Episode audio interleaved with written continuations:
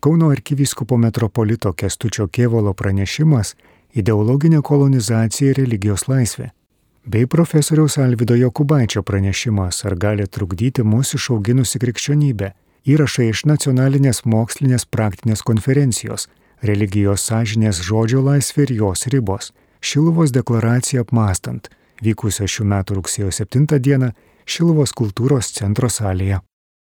Noriu pakviesti Jo ekscelenciją Kauno arkivyskupą metropolitą, daktarą e, Kestutį Kievalą, kuris taip pat yra ir e, Vytauto didžiojo universiteto katalikų teologijos fakulteto didysis kancleris. Tai kviečiu jūs ir tartis sveikinimo žodį, ir perskaityti pranešimą apie ideologinę kolonizaciją ir religijos laisvę. Norisi pradėti dėkingumo žodžiu pirmiausia mūsų mielam apaštališkajam nuncijui Peteraič, eminencijai Sigitui Tamkevičiui, arkivyskupui metropolitui Gintarui Grušui. Nuoširdžiai dėkoju Lietuvos Laisvos visuomenės institutui, valdybos pirmininkui Audriui Globiui, direktoriai Dianai Karvelieniai, Lietuvos krikščionių darbuotojų profesiniai sąjungai, Vytauto didžiojo universiteto, katalikų teologijos fakulteto komandai. Taip pat labai noriu pasveikinti brolius Konstantinopolio patriarchato e, atvykusius čia į mūsų tarpą. Na ir aišku, mielus prelegentus, kurie sutiko pasidalinti mintimis, įžvalgomis ir vieni kitus padrasinti. O kai matome dar ir Seimo narius mūsų tarpe, mes sakome, viskas bus gerai, esame jungtinės pajėgos, kurios laisvai šneka tai, ką tiki, esant tiesa ir dėl jos neatsiprašo, nes tiesa, kuri yra pabandyta, iš tikrųjų apmastyta per kelis tūkstančius metų, šiandien atrodo tikrai turi būti priminta, o tai yra artimo meilės darbas vieni kitiems ir mūsų broliams ir seserims, kurie galbūt mažiau susipažinę su ta tikrovė ir reikalingi priminimo, padrasinimo ir įkvėpimo. Apie tai yra ši mūsų konferencija. Ideologinė kolonizacija tai popiežiaus pranciškaus vartojama savoka apie tai, kad žmonės gali būti apgauti, suvilioti ar net priversti tikėti idėją, netitinkančią objektyvios tiesos. Kad tai yra įmanoma, mums aiškiai parodė fašizmo ir komunizmo ideologijų įsigalėjimas 20-ame amžiuje. Šiandien tai rodo siaubingai liūdnas faktas, kai Rusijos žmonės verčiami tikėti, jo karas Ukrainoje yra teisingas. Nuo savo pontifikato pradžios popiežius Pranciškus įspėja, apie ideologinės kolonizacijos grėsmės. Viena iš tokių kolonizacijų yra gender ideologijos, apie kurias jis susiminė posinodinėme apaštališkame paraginėme Amoris Leticija, sakydamas, jog jos neigia vyro ir moters prigimtinį skirtingumą bei abipusiškumą. Priešai sakys regi visuomenę be lytinių skirtumų ir greuna šeimos antropologinį pagrindą.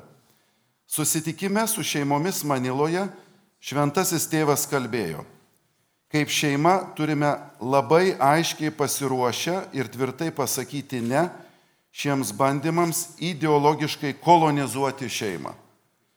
Kelionėje grįždamas iš Azerbaidžiano į Romą, popiežius išreiškė susirūpinimą dėl indokrinacijos mokyklose Kaip pavyzdys papasakojo istoriją apie vieną tėvą. Jis paklausė savo dešimtmečio sūnaus, kuo norėtum būti užaugęs. Noriu būti mergaitė.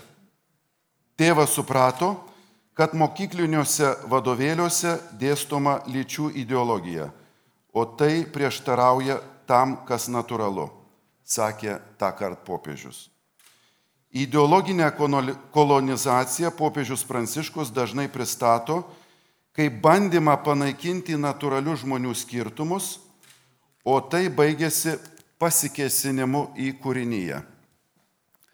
Apie ideologinę kolonizaciją popiežius kalba taip pat ir įsivyščiusių šalių interesų primetimo besivystančiom šalims prasme, naudojant ekonominę, socialinę, politinę galę. Šių metų kalboje diplomatinio korpuso nariams, akredituotiems prie šventojo sosto sakė, vis daugiau lėšų skiriama ideologiniai kolonizacijai, ypač skurdesnėse šalyse primesti, o ekonominės pagalbos teikimas tiesiogiai siejamas su tokių ideologijų prieimimu. Tai apsunkino diskusijas tarptautinėse organizacijose užkertant kelią vaisingiams mainams ir neretai sukeliant pagundą klausimus spręsti savarankiškai, taigi remiantis galios santykiais. Čia ideologija suprantama kaip įsitikinimas ar požiūris, kuris pristatomas kaip pažanga ir vystimosi vardu primetamas kitoms šalims, kultūroms ir religijoms. Kalbant apie ideologinę kolonizaciją, svarbu apibriežti, kokia prasme vartojama savoka ideologija. Egzistuoja daugybė įvairių ideologijos apibrėžimų. Vieni labiau teigiami, kiti neutralūs, treti neigiami. Kadangi kalbama apie ideologinę kolonizaciją, tinka pasitelkti ideologijos apibrėžimą būtent neigiamą jo prasme. Šia prasme ideologija gali būti suprantama kaip tam tikrų iš ankstinių atsakymų, apie tikrovę sistemą, ignoruojančią pačią tikrovę, skirta pateisinti tam tikrai socialiniai ir teisiniai tvarkai. Kai kuri nors ideologija padaroma visuomeniai privaloma, visuomenė privalo vadovautis nebe objektyvia ir protui prieinama tiesa, bet iš anksto pateikiamais atsakymais, kurių negalima kvestionuoti. Pavyzdžiui, Stambulo konvencija vadovaujasi iš ankstinę nuostatą, kad pagrindinė smurto artimoje aplinkoje priežastis yra vyrų ir moterų neligybė. Čia smurtas suprantamas ne tiek kaip alkoholizmo pasiekmė, ne psichologinės traumos ar charakterio įdos, bet neligybės padarinys. Jei Stambulo konvencija tampa privaloma, Tuo pat metu visuomeniai tampa privaloma vadovauti šiais iš ankstinę nuostatą, o ne realybę. Panašiai ir su gender ideologija. Ši ideologija vadovaujasi iš ankstinę nuostatą, kad lytis yra socialinis konstruktas. Ji ignoruoja žmogaus biologinę prigimtį bei jos reikšmę žmogaus litiškumui. Vis labiau įsigilint Įsigalint šiai iš ankstiniai nuostatai, tarsi žmogaus litiškumas nebepriklauso nuo biologinės prigimties, darosi vis sunkiau suprasti vyro ir moters lyčių papildomumą, šeimą, kuri pagrįsta vyro ir moters santoka. Šios ideologijos paveikti tėvai jau šiandien duoda vaikams lyčiai neutralius vardus, nes nenori primesti, kabutėse, jiems iš ankstinio lyties parinkimo, nes pasak jų, vaiką vadinti berniuku ar mergaite pagal jų biologinę lytį reiškia agresiją vaikų atžvilgių. Šiame kontekste norisi kalbėti apie laisvę, vadovautis tiesa esant sąlygoms, kai visuomeniai yra primetama tam tikra ideologija. Lietuvoje jau esame patyrę, kad ideologija gali tapti įrankiu užgneušti religijos laisvai. Esame patyrę totalitarizmą. Šilovos deklaracijoje randam teiginį, laisvoje demokratinėje valstybėje būtina gerbti pamatinius asmens ir visuomenės gėrius - sąžinės, religijos ir žodžio laisvę, kuris saugo visuomenę nuo totalitarizmo pagundų. Kaip laisva demokratinė visuomenė apsisaugo nuo totalitarizmo, Savo enciklikoje Centesimus Anus yra atskleidęs popiežius Šventasis Jonas Paulius II. Šiemet minime šio šventojo tėvo apsilankimo Lietuvoje ir čia Šilovoje lygiai 30-asias metinės. Jonas Paulius II sako, tenka pridurti, kad totalitarizmas gimsta iš objektyvios tiesos neigimo. Jeigu neegzistuoja transcendentinė tiesa, kuriai paklūsdama žmogus įgauna visišką savo tapatybę, tai negalioja ir jokie teisiniai principai, garantuojantis teisingus žmonių santykius. Tai reiškia pavojų pamatiniams žmogaus teisėms, garantuojančioms sąžinės religijos ir žodžio laisvę. Šiandien vakaruose turime dviejų pasaulyje žiūrių sankirtą. Viena jų remiasi kelių tūkstantmečių mąstymo apie žmogaus asmenį ir visuomenės sampratą. Ji atspindi biblinę pasaulyje jautą, klasikinę filosofiją ir istorinę patirtį. Kita pastaraisiais dešimtmečiais politinę galę įgavusi sekuliaristinė ideologija paremta relativistinė filosofija ir tariamos pažangos idėja. Jis siekia dominuoti ne tik valdžios postuose, medijose ar mokslo institucijose, jis tengiasi kolonizuoti žmonių protus. Paskelbė biblinę teologinę pasaulyje žiūrą nemokslinę, vadinamieji progresyvistai siekia įstumti bet kokias žmogaus tapatybės ir teisės sąsajas su Dievo autoritetu. Tokią tendenciją popiežius Jonas Paulius II įvardino totalitarizmo grėsme. Jis pabrėžė, dabartinis totalitarizmas atsiranda paneigus transcendentinį žmogaus asmenybės orumą. Juk žmogus yra matomas neregimojo Dievo paveikslas, todėl savo prigimtimi jis yra teisų subjektas ir tų teisių niekas negali pažeisti. Nei individas ar grupė, nei klasė, tauta ar valstybė. Ir toliau priduria, tikroji demokratija yra įmanoma tik teisinėje valstybėje ir besiremianti teisinga žmogaus asmenybės koncepcija. Jos pagrindu gyvoja religijos laisvė. Ji egzistuoja tik tiek, kiek žmogus yra laisvas nuo savo asmenime ir visuomeninė gyvenime vadovautis per apreiškimą ir religinės bendrijos bažnyčios mokymą pažinta tiesa. Čia reikia priminti, kad bažnyčia nesiekia privilegijų iš valstybės ar valdžios pagalbos bažnyčios mokymą įtvirtinti kaip valstybinę religiją. Tačiau ji prašo, kad valstybės institucijos nustotų tiek formaliai, tiek neformaliai propaguoti sekularizmą kaip neoficialų valstybinį tikėjimą, kuris siekia priboti kitas religinės laikysenas. Iškyla grėsmė, kad sekularizmas remiamas skepticizmo ir ateizmo virs valstybinė religija. Paskelb, paskelbti, kad vienintelė tiesa, jog nėra jokių tiesų, yra vidinis prieštaravimas. Tiek protas, tiek apreiškimas mums kalba, kad egzistuoja universalūs ir pamatiniai moraliniai gėriai. Be to, šiandien ypač jaunimo tarpė stiprėjantis ekologinis samoningumas kalba apie pasaulyje esančią tvarką, kurią turime saugoti. Logika mums sako, kad šis mūsų protu visatoje atsekamas anksčiau už mus buvęs protingumas turi turėti pagrindą. Dievo idėja neprieštarauja nei protui, nei mokslui. Ji taip pat pagrindžia vertybinį ir moralinį pasirinkimą. Pasak daktaro Samuel Grego, jei politinė valdžia reikalautų, kad kiekvienas politinių diskusijų dalyvis elgtųsi ir diskutuotų taip, tarsi Dievo nebūtų, arba Jei Dievas yra, tai lyg šis faktas būtų niekaip nesusijęs su mūsų pasirinkimais ir veiksmais viešojoje erdvėje.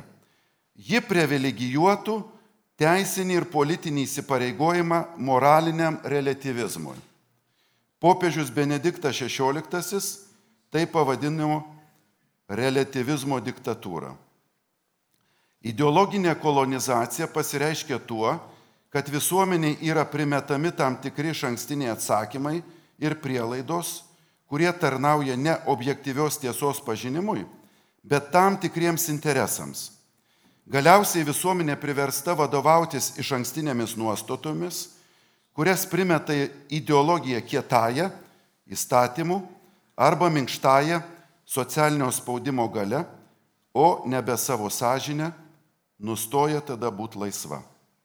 Vatikano antrojo susirinkimo dokumentas Dignitatis Humanė pabrėžia, jog pasaulietinė valdžia privalo rūpintis, kad teisinė piliečių lygybė, kuria visuomeninės bendrosios gerovės dalis, niekuomet nei viešai, nei slapta nebūtų pažeidžiama religiniais sumetimais ir kad nebūtų jokios piliečių diskriminacijos. Jei sekularistinė ideologija siekia dominuoti kitų pasaulyje žiūrų atžvilgių, paskeldama, kad religija yra nesuderinama su protu ir kad yra tik istorinis paveldas, ji pati paneigia religijos laisvės principą, pasiskelbdama vienintelę religiją. Pasak dignitatis humanė, krikščionys kaip ir kiti žmonės turi pilietinę teisę nekliudomai elgtis pagal savo sąžinę. Evangelijoje pasakojama apie Jėzau mestą iššūkį, kai fariziejai spėsdami jam pinklės paklausė, ar mums valia mokėti ciesurių mokesčius ar ne. Jėzus jiems taip atsakė, kas ciesuriaus atiduokit ciesuriui, o kas Dievo Dievui. Šis principas be visa kita kalba ir apie valdžios galių ribojimą. Religijos laisvė, teisė apriboja politinės valdžios galimybės ideologiškai dominuoti, stumiant tik tam tikros pasaulyje žiūros postulatus. Kita vertus, tai nereiškia, kad politinė valdžia turi būti abejinga religijai. Bažnyčia primena, kad visuomeninė ir teisinė tvarka leidžianti vadovautis tiesa apie matomą tikrovę, neturi ignoruoti ar varžyti laisvę vadovautis tiesa apie nematomą, tačiau žmogaus likimui esminę reikšmę turinčią tikrovę. Ji kalba apie objektyvę moralinę tvarką, kaip protu atpažįstamą gėrį, kuris įrašytas mūsų prigimtyje kaip prigimtinis įstatymas. Šią tvarką saugantis valdžios įstatymai įtvirtina žmogaus asmens pamatinės teises, skatina visuomenėje vienybę ir pagelbėja žmonėms laikytis moralinių vertybių. Religijos laisvė neretai suprantama tik kaip laisvė vykdyti liturginės apėgas. Tačiau ji apima laisvę aktyviai dalyvauti krašto politinėme gyvenime ir įstatymų leidime. Ji yra laisvė reikšti savo pasaulyje žiūrą ir daryti įtaką kultūrai, tai laisvė vykdyti meilės pareigą visuomeniai. Pasak popiežiaus Benedikto XVI enciklikos Deus Caritas Est, bažnyčios pareiga prisidėti prie proto apvalimo ir moralinių jėgų, be kurių teisingos struktūros bei nei atsiranda, nei gali ilgai veikti sužadinimu. Jei visuomenėje vyrauja moralinis relativizmas ir skepticizmas, transcendencijos atžvilgiu jis tokoja motivacijos pamatinių moralinių vertybių apsaugai, šeimos vertybėms, bendrojo gėrio įsipareigojimui. Bažnyčia save supranta kaip pagalba žmonėms, šeimoms ir visuomeniai atrasti pagrindimą dvasinių jėgų ir motivaciją savo pasirinkimais gerbti moralinę tvarką ir pamatinius visuomenės gėrius. Vatikano tarptautinės teologijos komisijos dokumente apie religijos laisvę yra rašoma. Krikščionybei problema iškyla tada, kai patys krikščionys verčiami suvokti save kaip neutralios visuomenės kabutėse, kuri iš principo ir iš tikrųjų tokia nėra narius. Šis egzistavimas suvokiamas kaip neutrali nereliginė priklausomybė liberaliai, liberaliai ir politiniai visuomeniai. Kai krikščionys pasyviai sutinka su tokiu savo būties padalinimu į valstybės valdomą išorę ir bažnyčios valdomą vidų, jie iš tiesų jau yra atsisakę sąžinės ir religijos išraiškos laisvės. Vandan, vardan visuomenės pluralizmo krikščionys negali pritarti sprendimams, kurie kenkia pamatinių etinių poreikių apsaugai bendrojo gėrio labui.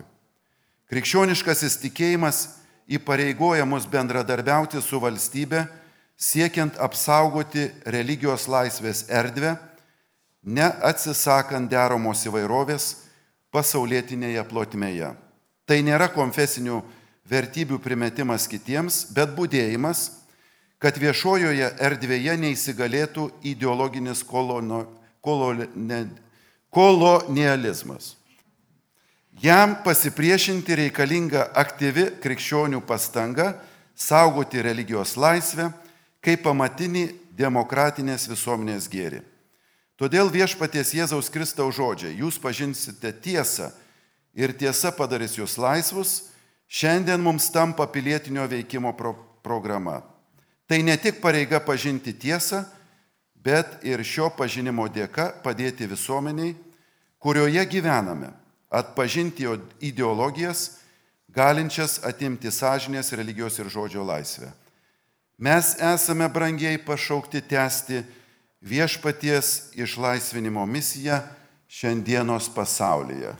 Drąsos, įkvėpimo ir džiaugsmo tai liūdijant be atsiprašymų.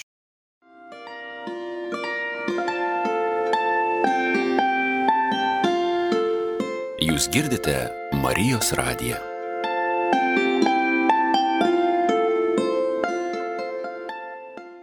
Ar mūsų išauginusi krikščionybė gali tapti nepatogi, o gal dar daugiau pradėti mums trukdyti? Apie tai pasvarstyti kviečiu Vilniaus universiteto profesorių, o taip pat Krikščionių profsąjungos tarybos narį Alvidą Jokubaitį. Šiandien galima ginčytis dėl reikšmingiausių vakarų civilizacijos paskutinių dviejų tūkstantmečių dvasinio gyvenimo įvykių. Vieni jo laiko krikščionybę, kiti jos modernųjų neįgymą. Lietuvoje viskas aiškiau. Šalies krikštas yra reikšmingiausias paskutinio tūkstantmečio įvykis, be kurio negalėtume kalbėti apie Lietuvos priklausomybę vakarų civilizacijai. Po Jėzaus nukryžiavimo ir prisikėlimo jo sėkėjai suformavo politiką pakeitusią dvasinio gyvenimo formą. Be savo prigimtimi apolitiškos krikščionybės neįsivaizduojamas politinis gyvenimas. Dar daugiau, be jos neįsivaizduojamas dabartinis maištas prieš jos sukurtą civilizaciją. Net krikščionybės nemėgstantis lietuviai toliau gyvena jos suformuotame pasaulyje. Dabartinė lietuvių tauta ir valstybė yra krikščionybės, o tiksliau katalikybės kūrinys. Senovės Graikijos ir Romos kultūrai nepriklausiusi, Lietuva krikšto metu gavo trys viename - Atenus, Romą ir Jeruzalę. Šią tautos įvedimo į vakarų pasaulio misiją atliko katalikų bažnyčia. Ji pakeitė Lietuvos politinį gyvenimą, keisdama nepolitinių dalykų supratimą. Bažnyčia išmokė lietuvius mąstyti apie naują, gilesnę žmonių bendryją. Iki krikščionybės religija buvo tik viena iš visuomenės institucijų, panašiai kaip ją norima padaryti dabar. Krikščionybė atnešė visiškai nuo politikos nepriklausomo Dievo karalystės supratimą, nepriklausomos Dievo karalystės supratimą. Bažnyčia kaip institucija negali išvengti sąlyčio su politika, Tačiau reikalavimas mylėti savo artimą, įskaitant priešus, netelpa į politikos supratimą. Krikščionybė išmokė suprasti, kad žmogus negali mylėti visų, tik artimus. Už gražių politikų kalbų apie meilę partijai ar tautai visada rasime bėgimą nuo visuomenės. Su krikščionybė į Lietuvą atėjo žmogiškam valdžios pagirų ir pripažinimo siekiui suvaržyti skirta nematoma institucija sąžinė, įsitvirtino nauja žmogaus gyvenimo prasmės samprata. Lietuviai mirdavo ir iki krikščionybės, tačiau tik su jie gavo naują mirties prasmės supratimą. Su krikščionybė Lietuvoje pasirodė vadinamasis vidinis arba dvasinis žmogus, artimo meilė, draudimas teisti kitus, nuodėme ir jos atleidimas. Krikščionybė išmokė mažinti žmogaus kelyje pasitaikančias kančias, o prireikus jas oriai pakelti. Šios religijos tikslas nėra būti vadinamoju įnašu į kultūrą, tačiau jei išėmus iš kultūros, pastaroji pasidaro nesuprantama. Pagrindinė krikščionio drama vyksta ne kultūroje, o sieloje, laisvai formuojant gyvenimo istoriją. Per mažiau negu šimtą oponavimo krikščionybei metų jos priešininkai pasiekė įspūdingų rezultatų. Laimėjimais gali didžiuotis ne tik sovietiniai, bet ir dabartiniai ateistai. Kol kas niekas negali pralenkti sovietinės valdžios sprendimo Vilniaus Švento Kazimiero bažnyčioje įkurti ateizmo muziejų.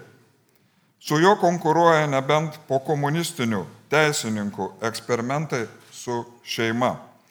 Po komunistiniai ateistai nenori turėti nieko bendro su sovietiniais komunistais, tačiau objektyviai jie yra to paties proceso dalis.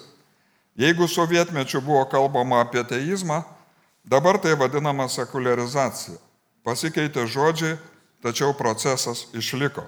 Tiek tada, tiek dabar gyvename naujos visuomenės ir naujo žmogaus statybos aikštelėje. Dviejų tūkstančių metų senumo katalikybė šio perdėto susižavėjimo pažanga kontekste negali netrukdyti. Vakar vienas kitą aukojame komunizmo, dabar demokratijos statybai. Demokratija yra geras dalykas, Tačiau reikia mąstyti apie meilės jai ypatybės ir jos nestatyti kaip komunizmo. Jaunieji demokratijos statytojai net nesusimasto apie savo panašumą į komjaunuolius.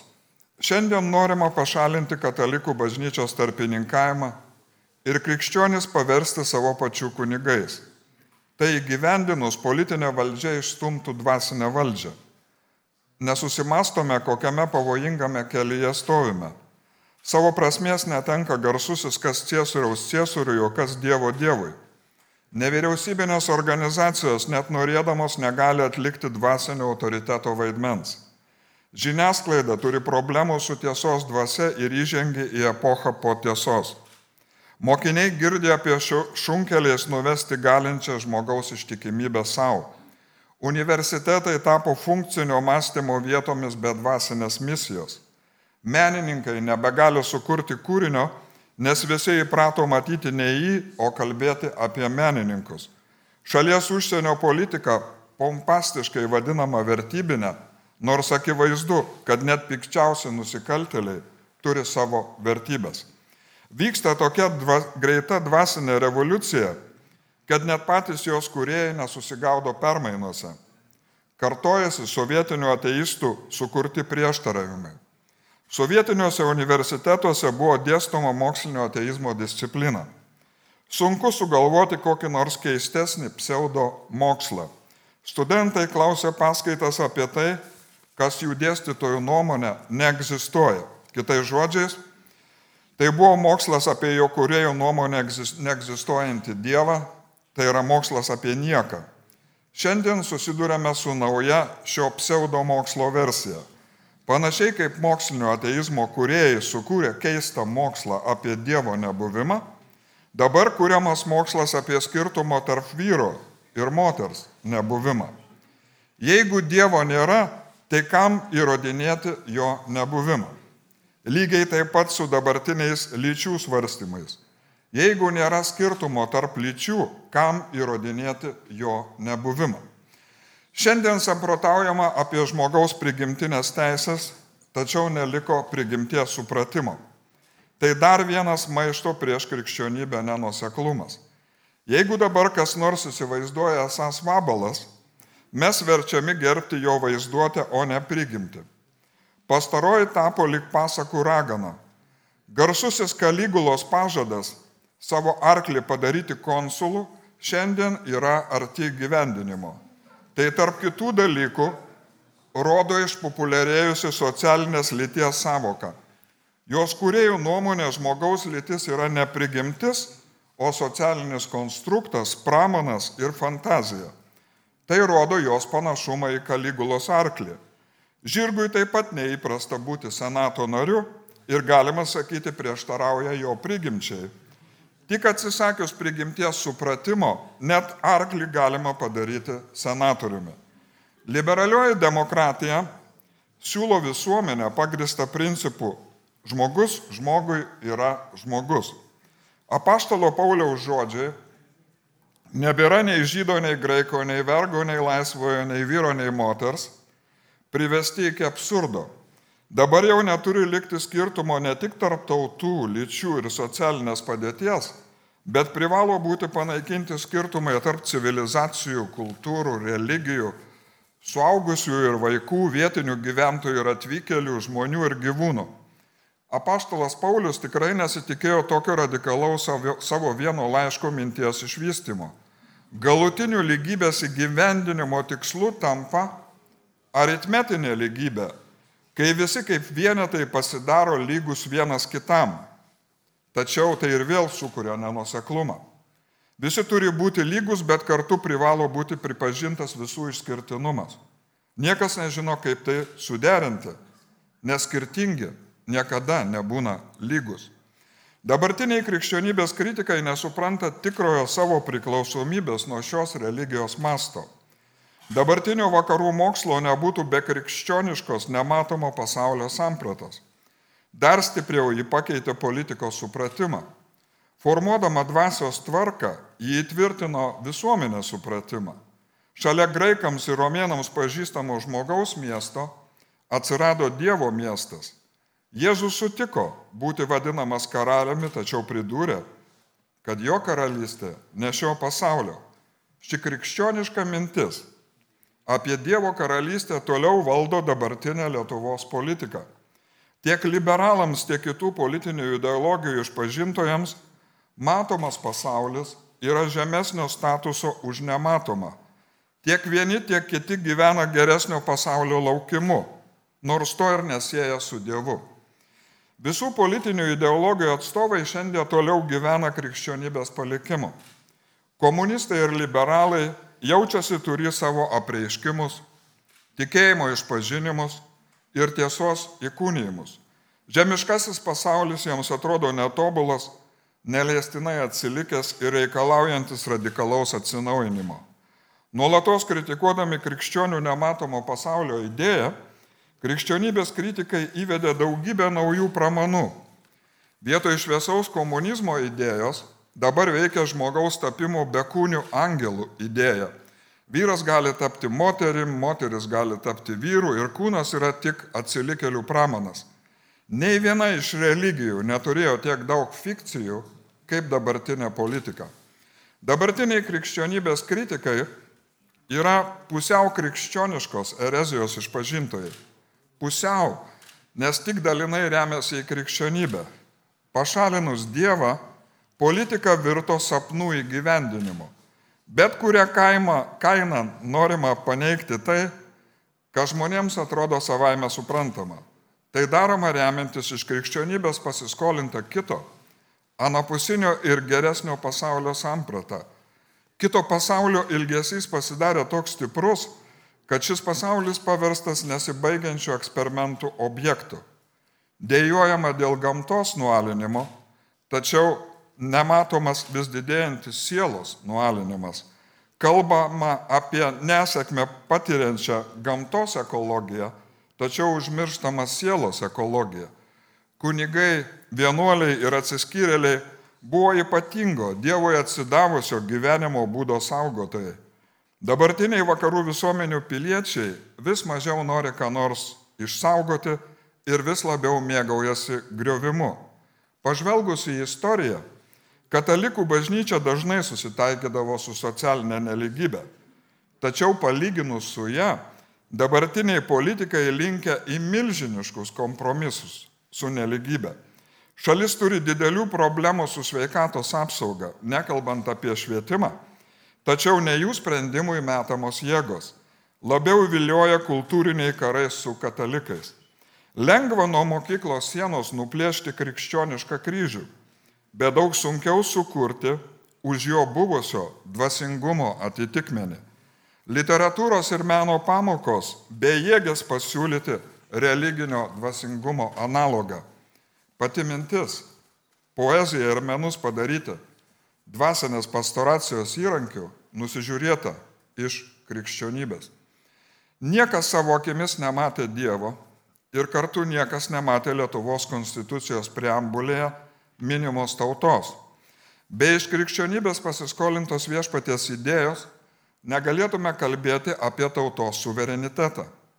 Katalikiškas tikėjimas lietuvius išmokė suprasti, kaip galima tikėti tauta. Katalikybė, katalikybė su savimi turėję moderniosios Lietuvos kuriejai stipriai skiriasi nuo dabar jos neturinčiųjų. Nemažiau svarbi yra ir iš krikščionybės pasiskolinta asmens savoka Apaštalas Paulius sakė, kad tik Dievas pažįsta vidinį žmogų. Ši krikščioniška idėja tapo moderniojo vakarų individualizmo pagrindu.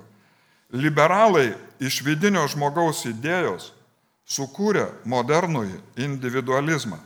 Tai krikščioniškos asmens sampratos nususinimas, nes individais gali būti ir gyvūnai. Nelaisvamaniai, O apaštalas Paulius lietuvius išmokė suprasti žmogaus pašaukimą būti laisvu. Katalikų bažnyčia Pauliaus laisvės supratimą apsaugojo nuo rusiškos Bizantijos. Susidaro įspūdis, kad Dievo patraukimas į šalį sukuria daugiau politinių problemų, negu jų išsprendžia. Panašiai kaip kiekvienas žmogus turi mokėti į save pažvelgti iš šalies, Visuomeniai reikalinga Dievo perspektyva. Būtent ją Lietuvoje įtvirtino katalikybė. Praradę dieviškąją distanciją gyvenimo atžvilgių, paskestame nesibaigiančiose ginčiuose ir nesutarimuose. Krikščioniškas tikėjimas rodo, kad paklusdami politiniai tvarkai, piliečiai turi paklusti ne tik jai. Už kasdienių politinių sutarimų ir nesutarimų turi būti kažkas žymiai daugiau. Politinis gyvenimas nesusiveda vien tik į demokratinių rinkimų balsų skaičiavimą. Politika nėra aritmetika, nes už jo stovi sudėtinga ir paini žmogaus prigimtis. Matant dabartinius eksperimentus su ją, demokratiją galima vadinti vis labiau savęs nesuprantančią politinę santvarką. Ten, kur viskas laikina ir relatyvu, neįmanoma įrodyti jokios santvarkos pranašumo. Krikščionis visada kam nors trukdė ir tai jiems yra įprastas dalykas. Jiems dažnai priekaištaujama dėl kryžiaus žygių, inkvizicijos, dvasininkų įdo ir pasitaikiančio moralinio pakrikimo. Tikrai būtų daug geriau, jeigu to nebūtų.